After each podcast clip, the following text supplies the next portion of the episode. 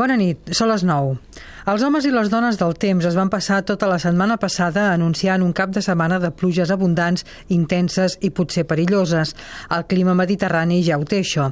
No ens va agafar per sorpresa, doncs, i hem tingut un cap de setmana amb aiguats que han trasbalsat la vida en alguns pobles i ciutats del país. L'episodi dolorós ha estat la mort d'una noia que va caure a la riera de Llerca quan feia una excursió per la Garrotxa.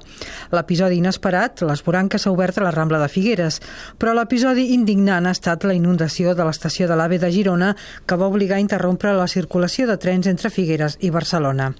Feia només dos mesos que les pluges torrencials que van caure la nit del 28 al 29 de setembre ja van provocar la inundació del túnel de l'estació de Girona i van deixar inutilitzada la línia ferroviària durant alguns dies.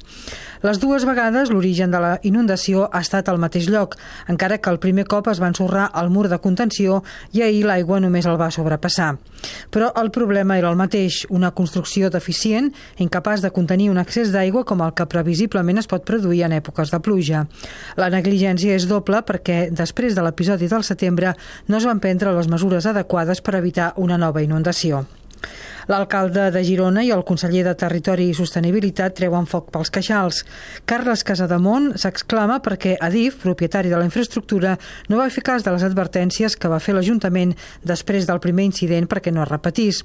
Per més INRI, divendres passat el consistori va enviar un informe tècnic a Adif i al Ministeri de Foment avisant que l'estació de l'AVE es podria tornar a inundar si plovia fort si abans no es corregien alguns defectes de la construcció.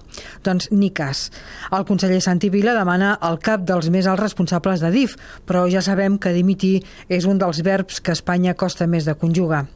Ara, a misses dites, el Ministeri de Foment s'ha compromès a començar immediatament les obres per evitar una nova inundació. Només faltaria. Mentre s'inverteixen milionades en línies d'alta velocitat molt poc rendibles a Castella i Lleó i a Galícia, l'estació de l'AVE de Girona, a la línia que ens connecta amb Europa, s'inunda cada cop que plou fort.